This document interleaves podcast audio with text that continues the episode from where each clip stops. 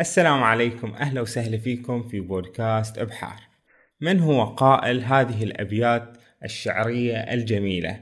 بلغ العلا بكماله النبي صلى الله عليه وآله وسلم. بلغ العلا بكماله كشف الدجى بجماله حسنت جميع خصاله صلوا عليه وآله. اللهم صل على محمد وآل محمد. من هو صاحب هذه الأبيات؟ هو مصلح الدين ابن عبد الله الملقب بسعدي الشيرازي هذا الشاعر المشهور. زين اللي عاش قبل 800 سنة. زين ودفن في شيراز. في ذلك الوقت زين من هو اللي كان يحكم ديك الأنحاء؟ السلغريين. تعرفون منه أبو بكر ابن سعد ابن زنكي السلغري. زين هذا كان يحكم بلاد فارس خصوصا غرب فارس. إنزين وتصدقون انه هو اللي حكم البحرين أيضا لأنه كان آخر حاكم يعني اسمه محمد بن محمد العيوني كان يحكم القطيف وأوال. زين وقد قتل في أوال في معركة يعني أخيرة بينه وبين أبو بكر السلغري وخلاص صار الحكم إلى منه. إلى هذولين أبو بكر السلغري زين حاكم بلاد فارس أتابك فارس. زين حكم البحرين وحكم بعدين راح القطيف واستولى عليها وعين عليها يعني انتهى حكم العيونيين ووضع منه حاكم على القطيف والأحساء وضع عليها عصفور بن راشد مؤسس الدولة العصفورية ومانع بن علي. هذولين من بني عامر. زين؟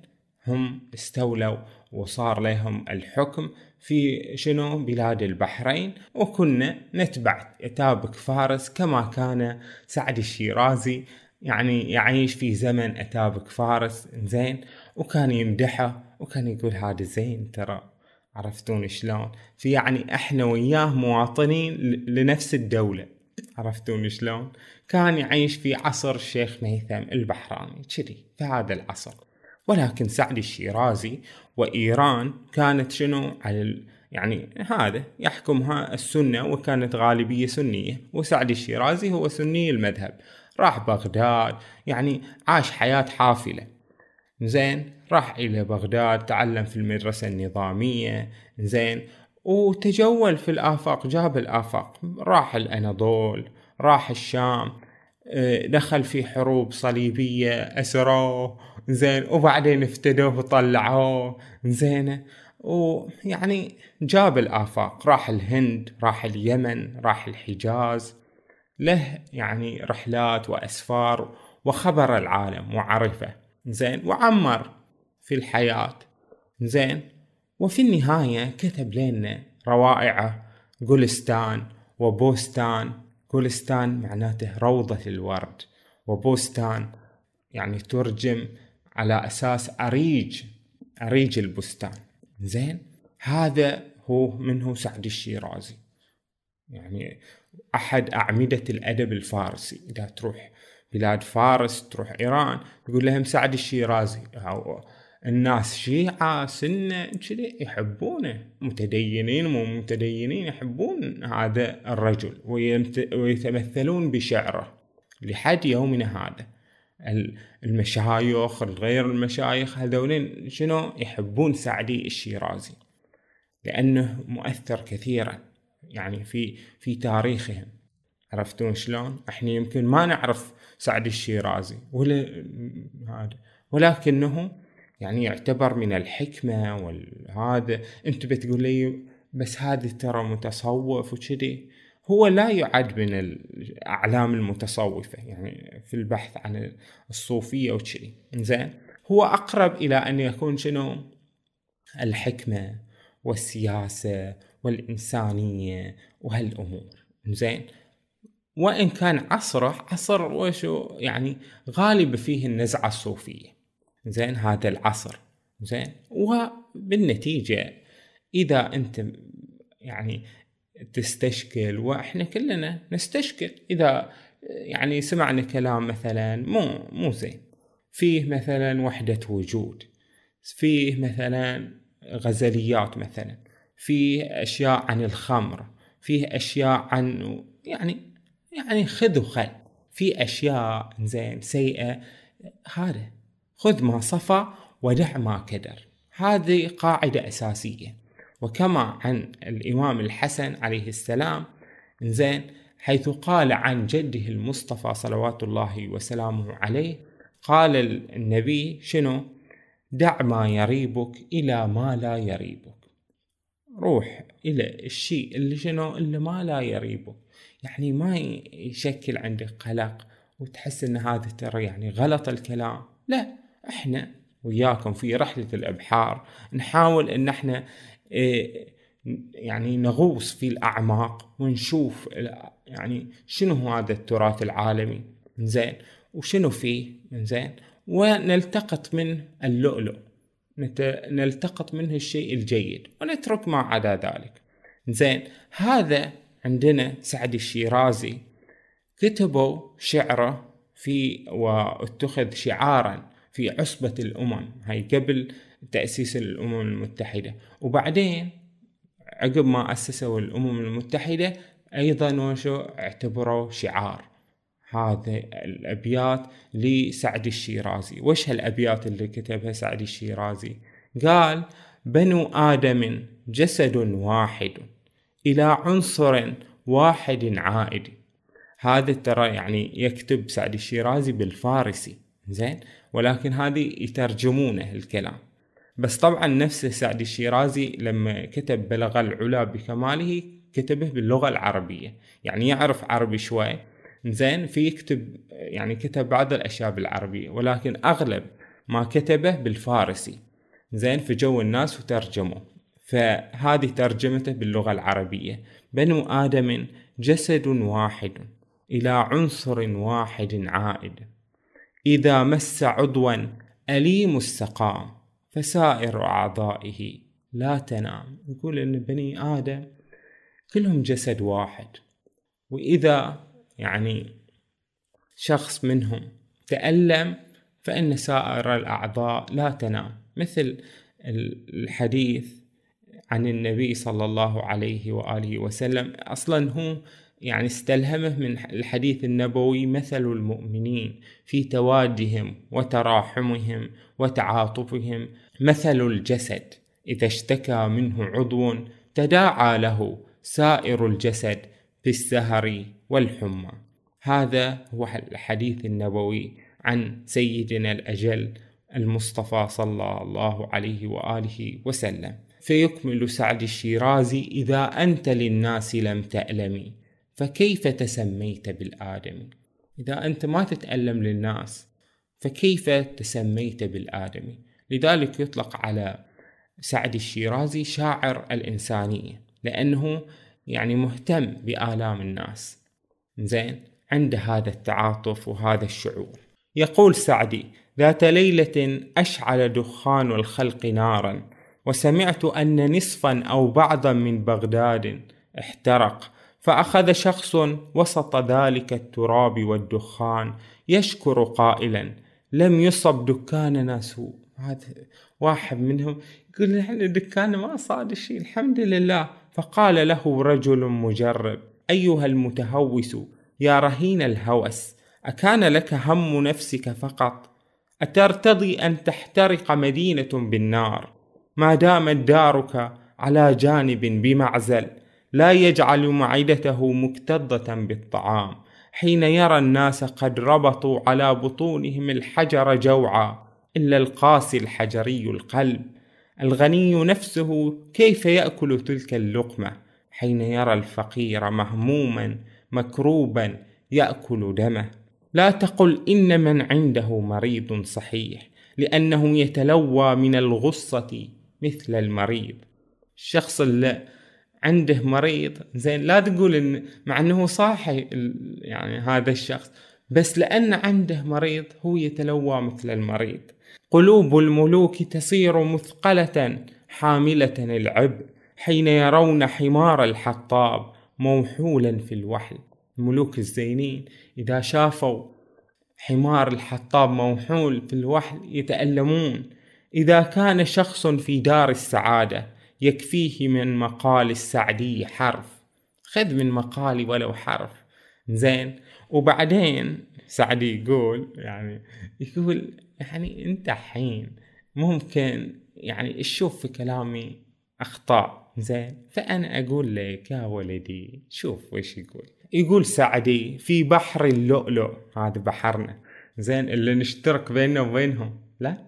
زين في هذا في بحر اللؤلؤ يوجد الصدف أيضا وفي البستان توجد الشجرة الطويلة والقصيرة. في البستان في شجرة طويلة قصيرة في شيء يعني موحلة واجد. ألا أيها العاقل الطيب الخلق اللي يقرأ كتابي لم أسمع أن العاقلة متقص للعيوب. تقعد تدور عن عيوبي لا ويش. غلط هالشي زين. وحين يعجبك بيت من ألف كف يد التعنت بحق المروءة. إذا أنت يعني عجبك بيت وما عجبك ألف بيت زين بس خلاص امشي على هالبيت واستانس وبس لا تلومني على وشو على أشياء ممكن هذا. في شيء جيد أقوله في شيء يعني ردي عرفت شلون؟ هذا كلام السعدي. خلنا نشوف السعدي زين سعد الشيرازي وش يقول؟ الحين سعد الشيرازي عاصر شنو؟ غزو المغول. عاصر غزو المغول. فوش يعني قال عن هدولين المغول. زين يقول يكتب شعرا. هذا قلب قل يعني الشاعر قلب البشر. يعني يتحدث عن مشاعرهم. يقول سعدي قلت له أيها السيد الذي كان يصيد الأسد الحصور أنت يا البطل ماذا حل بك حتى صرت كالثعلب الهرم؟ تبسم ضاحكا ثم قال منذ تقاتلنا مع التتر أخرجت من رأسي حديث الظفر. رأيت الأرض والرماح المشرعة فيها كأنها زرع من غاب والأعلام المرفوعة فوقها كأنها نار ذات لهب. إنهم طائفة تصرع النمور وفي قوة الأفيال. هذولين التتار اللي جايين قواي مدرعين بالحديد من رؤوسهم حتى حوافر الخيل. وصارت الأرض من زرقة الغبار فوقنا كأنها سماء تلمع فيها السيوف والخوذات وكأنها نجوم. ألا تدري لماذا خرجت مقتربا؟ أطوف في البلاد. ولماذا أمضيت زمنا بعيدا عن الوطن والأحباب؟ لا وش أنا مغترب نزحت بعيدا حين رأيت محن الأتراك اللي هم التتار لأنهم من بلاد الترك. زين تركستان هناك. وحين صار العالم معقدا كأنه شعر الزنجي. يعني يقول إن تعرفون السود؟ يعني الشعر مفلفل.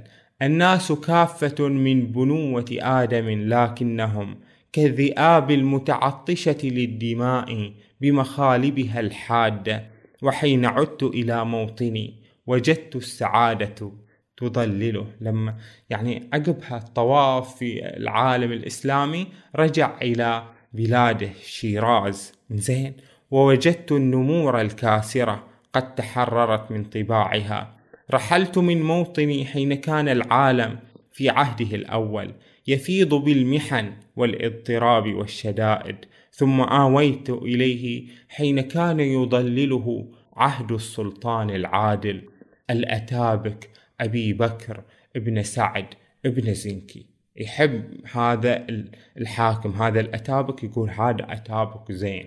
زين؟ تعرفون تعرفون أن الشعراء هذا على دين ملوكهم.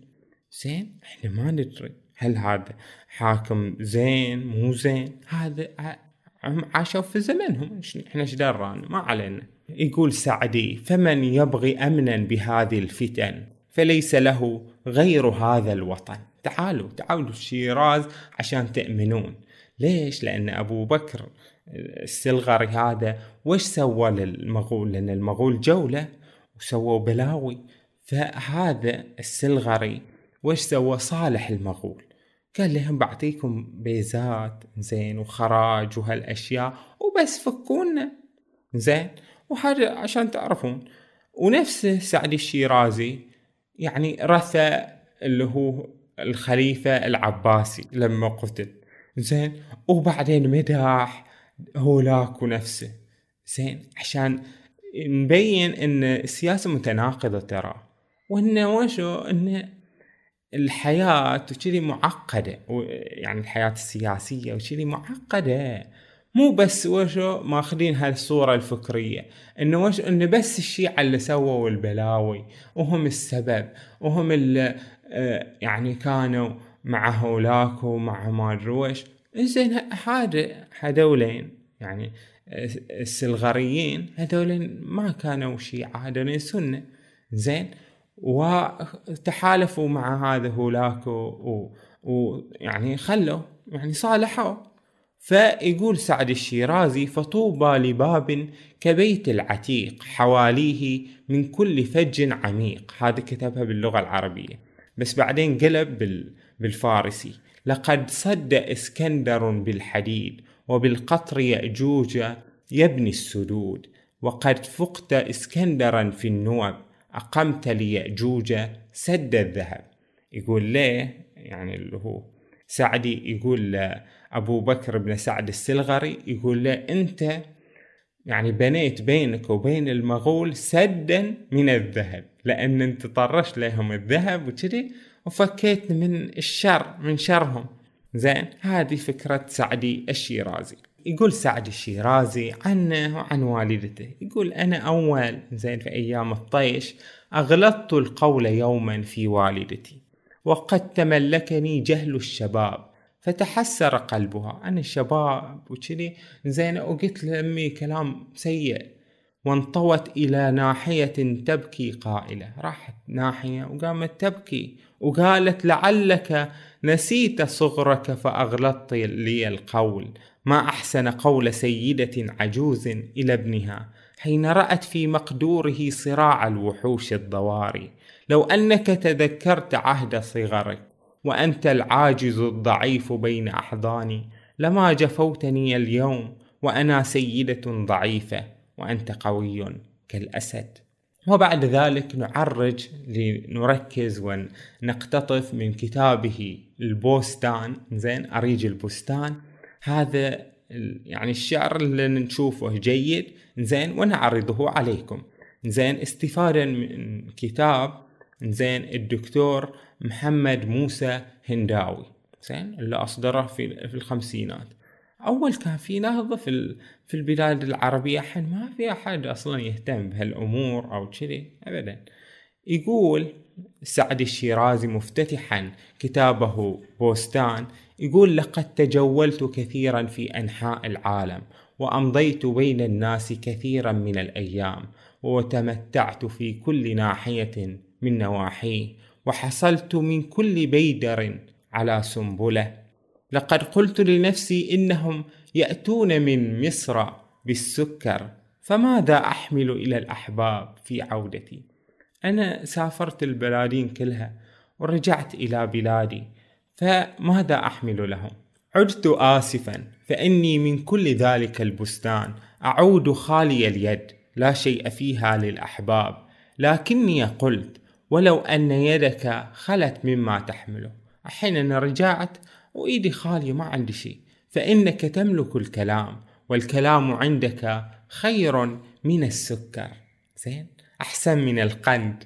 ليس هو ذلك السكر الذي يتناوله عامة الناس بل هو السكر الذي يدونه أرباب المعاني. هذا هو كلام السعدي.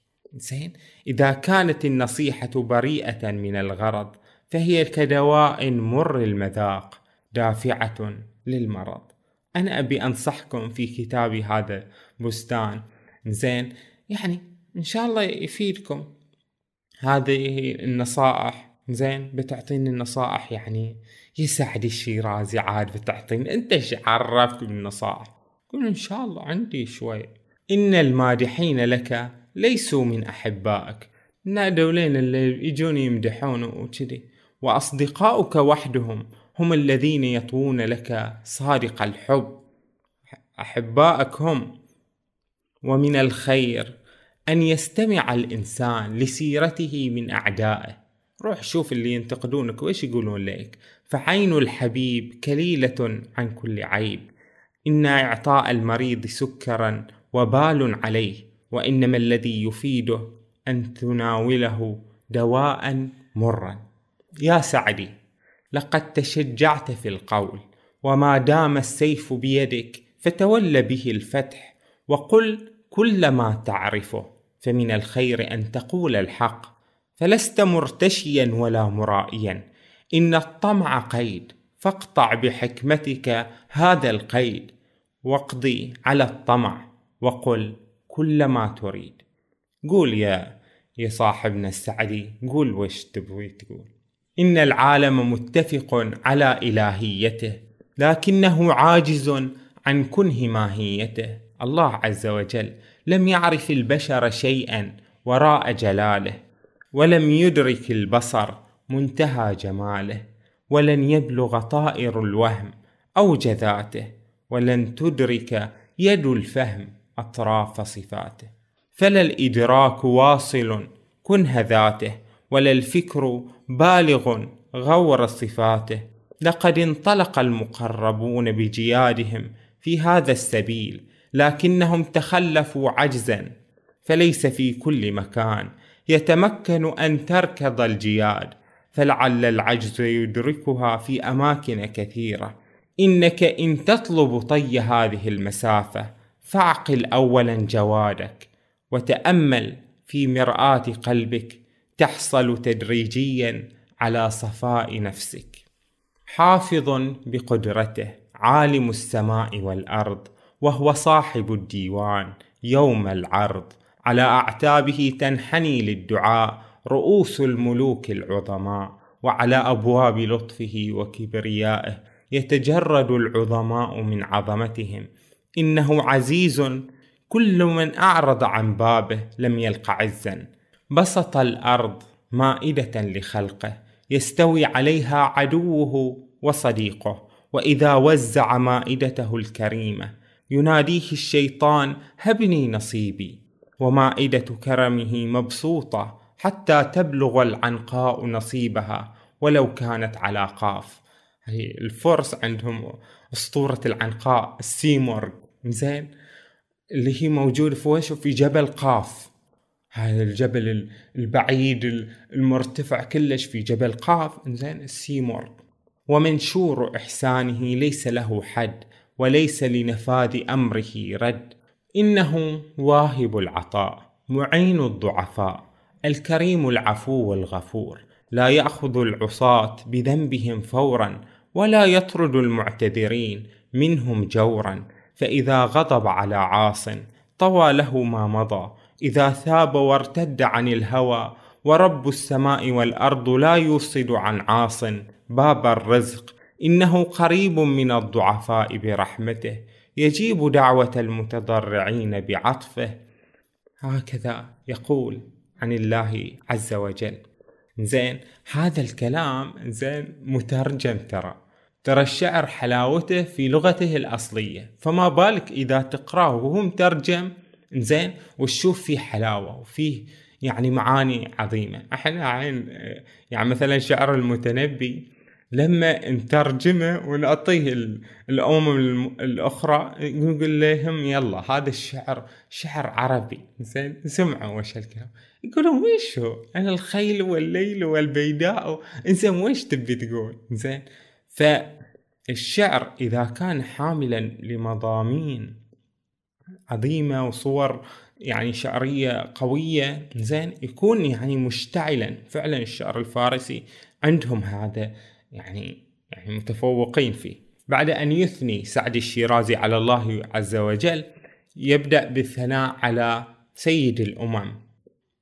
كريم السجايا جميل الشيم نبي البرايا شفيع الأمم. هذا كاتبنها سعد الشيرازي باللغة العربية في مدح سيدنا الأجل المصطفى صلوات الله وسلامه عليه.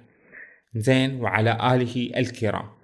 فيكمل ويقول وهو إمام الرسل هادي السبيل وأمين الله مهبط جبريل وحين سل عزمه سيف الرهبة انشق القمر نصفين إعجازا له وحين تردد اسمه في أفواه الدنيا تصدع ديوان كسرى. إنه حطم قامة اللات بكلمة لا ومحى الدين العزيز مكانة العزى.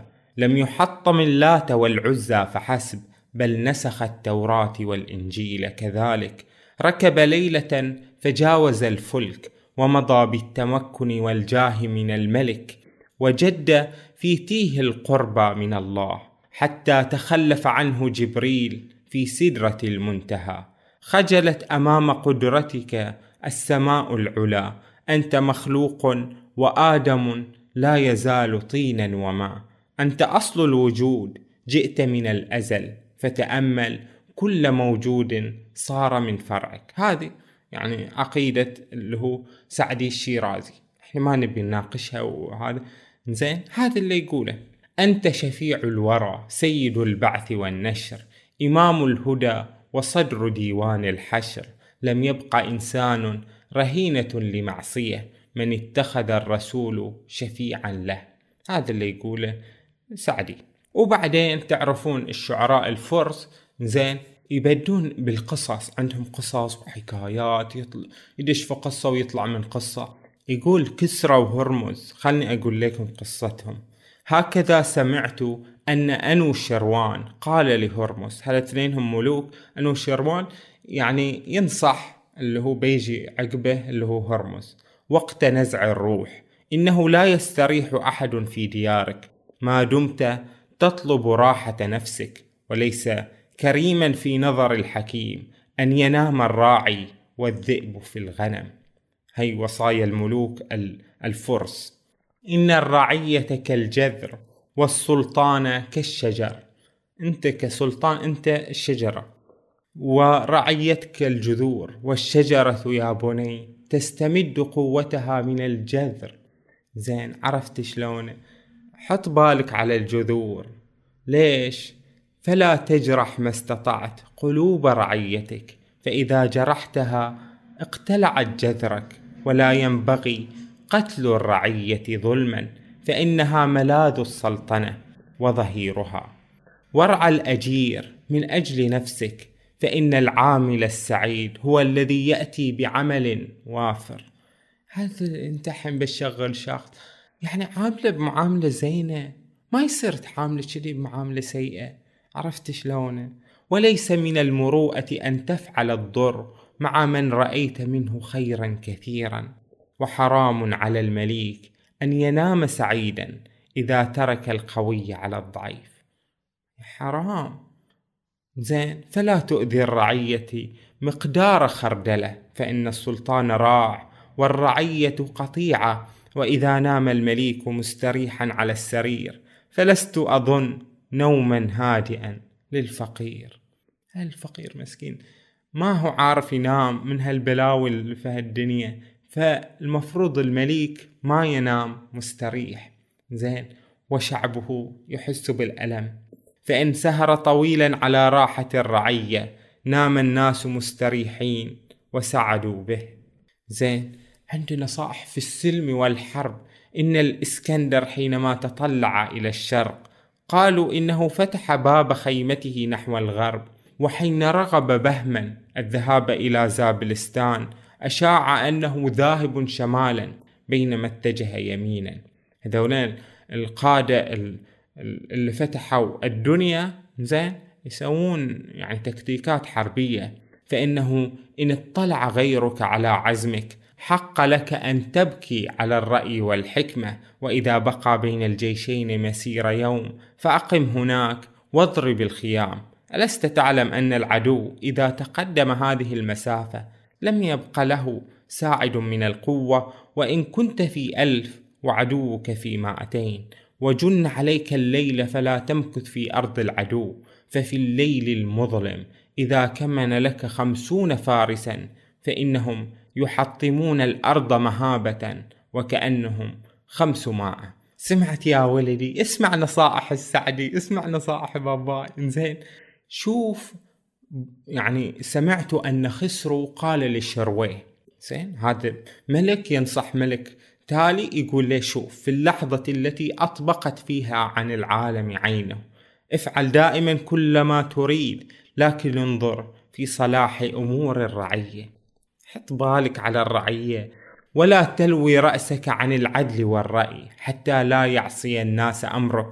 من ذا الذي عاش منعما في الآفاق أكثر ممن عاش منصفا في ملكه للخلق. فحين يغترب عن هذا العالم يمطرون على تربته غيث الرحمة. عرفتون؟ هذولين شعراء الفرس. عندهم اعتزاز بتاريخهم. تاريخهم الفردوسي كتب تاريخهم.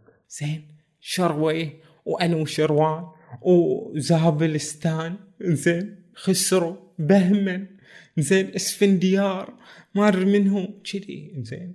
عندهم عندهم ملوكهم اللي يعتزون بهم اللي كتبهم الفردوسي في يعني هذه ملحمته.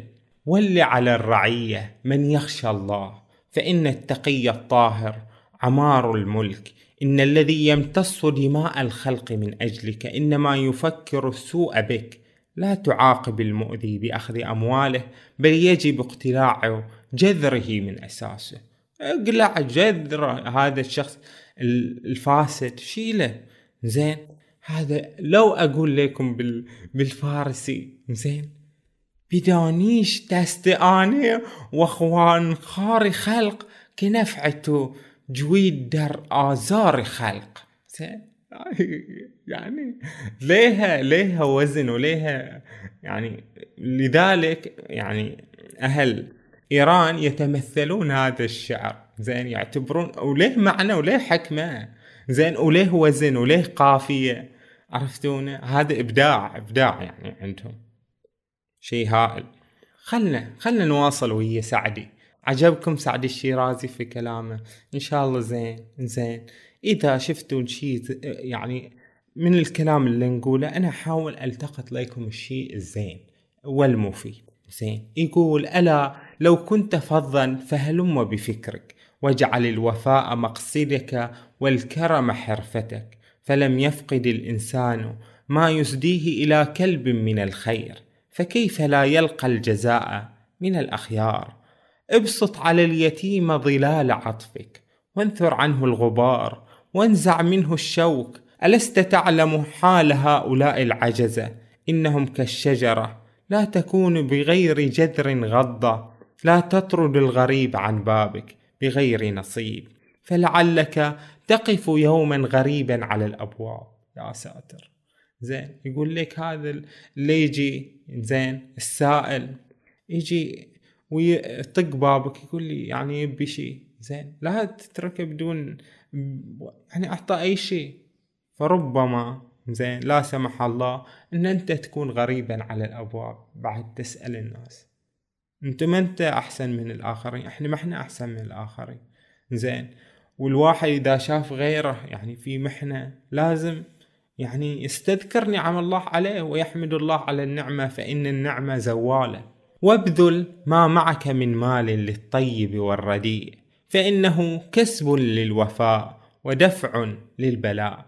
مثل يعني المؤلفة قلوبهم أعط المال للطيب والرديء وخلاص وأحسن أيها الكريم إلى من أساءك فالكلب يرعاك حين تناوله من خبزك. حتى الكلب زين إذا أعطيته من خبزك يرعاك ويحميك. شريها شفت شفت سعدي ويش يقول الا گر جفاکاری اندیشه کن وفا پیش گیر و کرم پیشه کن؟ زين. عرفتون شلون؟ إحنا حين في أريج البستان. زين تخيلوا. زين بساتين شيراز وبساتين إيران. هاي البساتين الجميلة. زين تعرفون في عيدهم عيد النيروز؟ زين اللي هو يكون في الربيع. وإحنا حين يعني هذا قريبا من الربيع اللي يكون في واحد وعشرين مارس. هذا عيد النيروز عندهم حيث الربيع زين وحيث زهورهم هذا كذي. زين هم يتأثرون بطبيعتهم. لذلك يعني جولستان يعني, يعني شنو روضة الورد.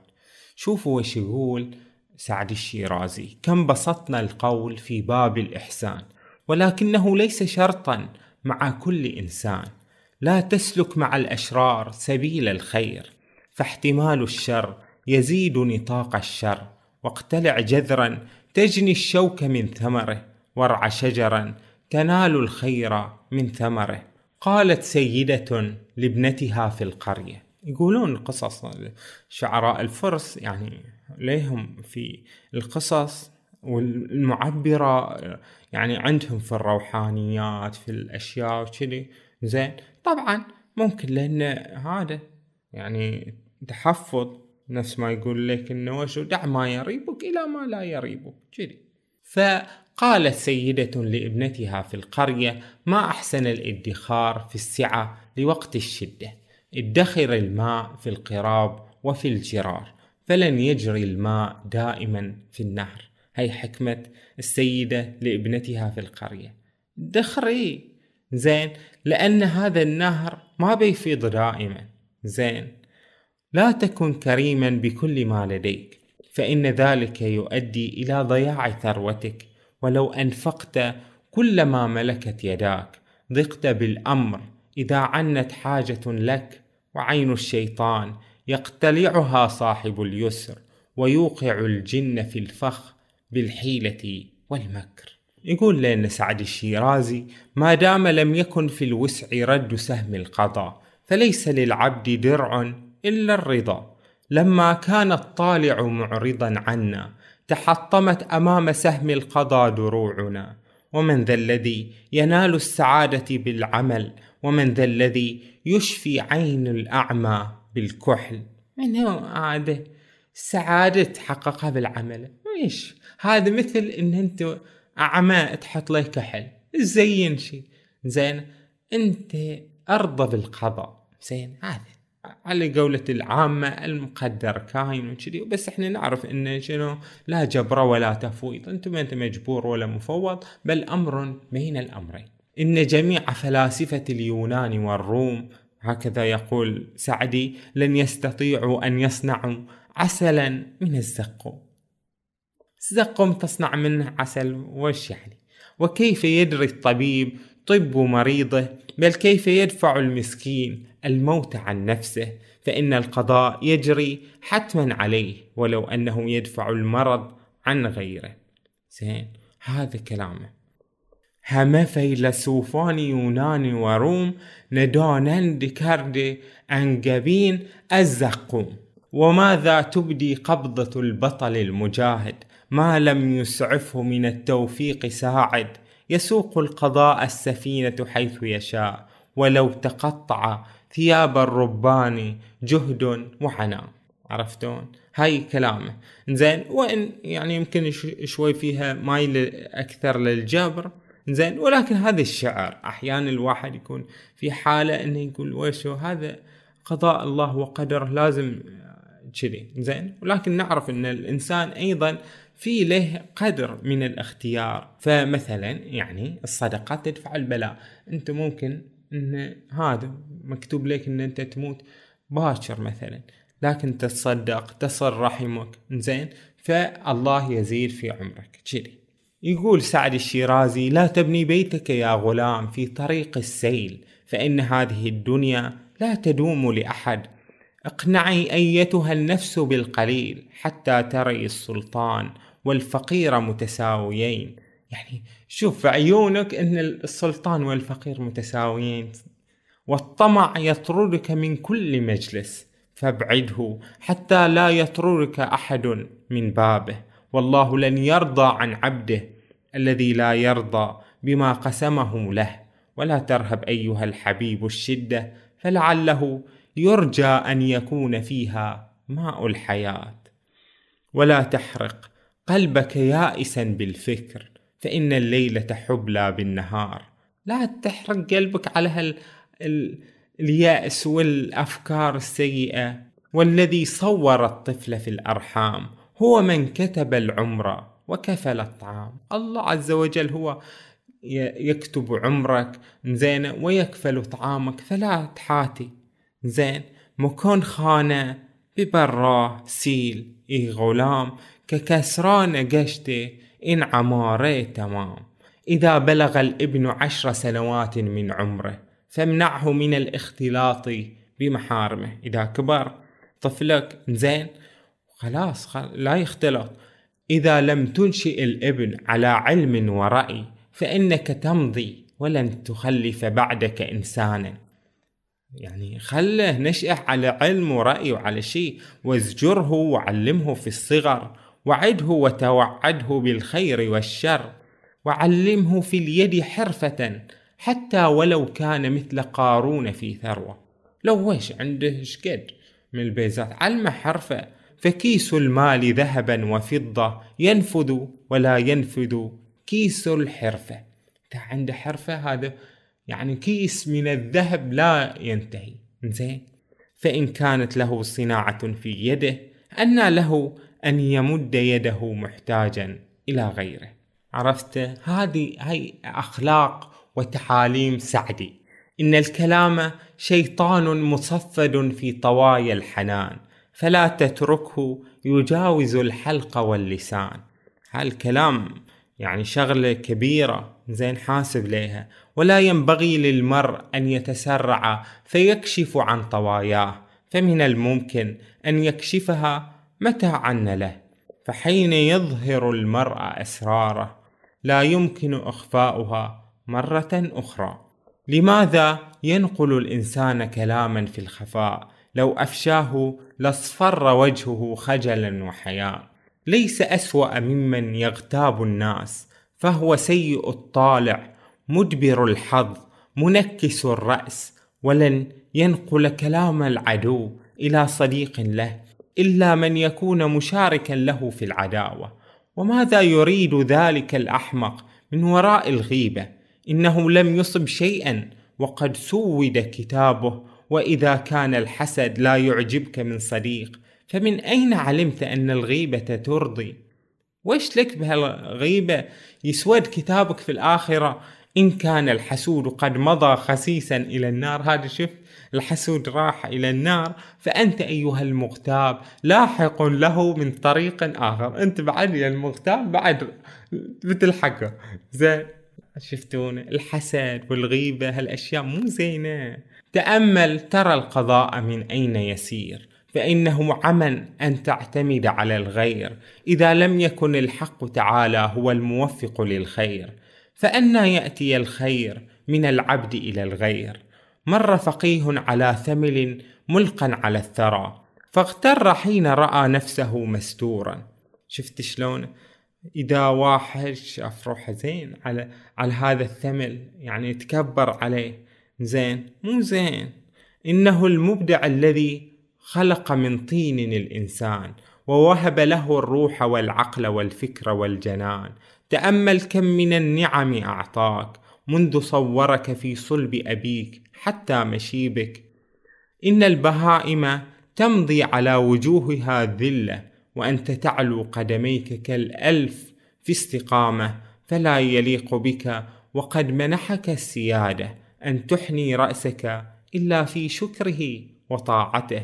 إن الله منحك عينا وفما وأذنا فلا تعصه إن كنت عاقلا. فلست تمضي وحدك قدما واحدة بل تدركك المعونة من الغيب كل لحظة. أنت خطوة واحدة ما تقدر تمشي. زين لولا مدد من السماء ولا تلوي عنقك عن شكر المنعم عليك فإنك ستنتهي إلى اليوم الآخر ولا شيء يعينك. إن عقلاء الطباع الذين يعترفون بالنعمة هم الذين يحيكون النعمة بأبر الشكر. كثيرا ما أقمت مكان غيرك وسيأتي غيرك ليحل مكانك. ولقد مررنا متمتعين بالهوى والأماني كله أنت حين جاي تفكر إن أنت بتقع في هالدنيا وما بتروح. زين. لقد مررنا متمتعين بالهوى والأماني على قبور كثير من الأنام. وسيأتي من عالم الغيب غيرنا ويمرون بعد الموت على قبورنا. هذا سعدي. إحنا نمر على قبره وعلى قبور الناس. ميتين من 800 سنة نساهم الزمن وطوى صفحتهم. وإحنا نفكر يعني ببله و وهوى وأماني. زين. إن إحنا خلاص عايشين في هالدنيا. ما إحنا موتى زين. لكن يعني إحنا نعلم ونعرف. زين. إن إحنا وشو مردنا إلى هذه القبور. فخفف الضرب إن كنت شفوقا فإن هنا عينا وأذنا ووجها ورأسا. هذا أنت حين تمشي على على قبور الناس زين. خفف الوطء. هني ترى في عيون وفي أذن وفي وجه ورأس زين. اشفق على هالناس اللي ماتت في هالقبور زين. وانتهز فرصتك في الحياة فإنها لحظة واللحظة لدى العاقل خير من الحياة. هي عمرك لحظة زين وانتهزها ولو لحظة لا ينبغي ضياع العمر سدى فإن الفرصة عزيزة والوقت سيف. ينبغي الآن أن تحسب للعمل كل حساب وليس في الوقت الذي ينشر فيه الكتاب. تقول ما عليه إن شاء الله في المستقبل أتوب. أنت حين اللحظة اللي عندك هي اللي عندك. زي يمكن الله عز وجل يعني العالم بمصيرنا وبختامنا يمكن نختطف من هذه الحياة. زين في أقرب وقت زين فعاجل بالتوبة. واجتهد الآن فإن الماء جاوز وسطك ولا تركنه حتى يصير سيلا فيجتاز رأسك. لا ياخذك الأمل وإذا افتلتت من يدك خمسون عاما. فاغتنم الأيام الخمسة الباقية. اغتنم هاي الأيام اللي عندك زين ومن بذر الشعير وقت الربيع. كيف يجني القمح وقت الحصاد؟ والآن إذا اجتهدت وقت البذر. وكنت ترجو الأمل بطيب الثمر. وإذا مضى العمر هباء في الشر. فأنت كمن أشعل النار في البيدر. ولا تذهب يوم القيامة ضيق ذات اليد فلا وجه لأن تقعد متحسرا. تروح فقير في هذه في يوم القيامة ما عندك شيء. زين ما عندك سبب يخليك تروح يوم القيامة وأنت فقير. اعمل الصالحات. ويوم القيامة حين تعقد سوق الجنة توزع الدرجات وفق طيب الأعمال وتكسب البضاعة بقدر العمل فإن كنت مفلسا فتحمل الخجل. إذا أنت مفلس تحمل اللي يجيك. والذي يكسب الجنة هو من قدم الطاعة ومن قدم المال. تناول البضاعة. شفتوني شلون؟ هذا السعدي. يقول هالكلام. قيامتك بازار مينون هند منازل به اعمال نیکو دهند عرفتوا بضاعت به چندان که آری بری وگر مفلسی شرمساری بری. شفتون؟ هذا هو سعد الشيرازي. يقول في التوبة والإعتذار عن العمل السيء إذا أدرك المسيء نفسه قبل يوم القيامة لم تحسب إساءته. ولا تقل إن طائر الدولة قد انفلت من القيد. كل هذا الطائر خلاص راح. زين؟ لا فإن طرف الحبل لا يزال باليد. عندك طرف الحبل تقدر تسحبه. زين؟ وإن جاوزت الحد سيئاتك كنت ظافرا إذا اعترفت بذنبك. وإذا كنت عاقلا فاسأل الله ليلا أن يعفو عما جنت يداك في النهار. وابحث عن صلح واتخذ طريقا لك. واقصد شفيعا واعتذر عما قدمت يداك. وإذا كنت لا تزال ترجو الصلح فلا خوف فإن الكريم لا يغلق الباب على التائبين. وأقبل ما دمت ترى باب الصلح مفتوحا فلعل باب التوبة يغلق فجأة عليك. سبحان الله والنبي الكريم هو من ترجى شفاعته لمن تبعه وسلك طريق شريعته. شفتون شلون؟ هذا هذا الكلام بس من هو يتعظ؟ من هو يتعظ يا سعدي؟ هلم حتى نرفع أيدينا عن القلب. خلنا نرفع أيدينا فلن نستطيع غدا أن نخرجها من التراب. كن في في المقبرة إنزين ما نقدر نحركها ونطلعها من التراب. ولا تحسبن من رفع يده يرد كالخائب عن ذلك الباب الذي لم يغلق أمام تائب. فهكذا كان سعد الشيرازي زين الملقب بشاعر الإنسانية هذا الشاعر الجزل واللي عنده يعني من هذه صنوف الحكمة والرأي والفكر وكذي. زين وإن كان له أخطاء وإن كان له ما أدري وش إحنا ما علينا. إحنا وش سالفتنا؟ ناخذ نلتقط زين من الحكمة لأن الحكمة ضالة المؤمن. زين ناخذ من هذا الكلام عن التوبة عن في مدح النبي في الثناء على الله عز وجل في الأمور الخيرة في الخلق الرفيع زين في يعني أي حكمة تكون جيدة ناخذها ترطيبا للقلوب وتعميقا للروح زين واستفادة من الإرث الإنساني ومن التجارب الإنسانية زين. فأنتم وش رأيكم فيما تحدثنا عن عن سعدي الشيرازي وعن ما قدمه شيء مما قدمه فشاركوني آراءكم وكونوا دائما بألف خير وصحة وعافية.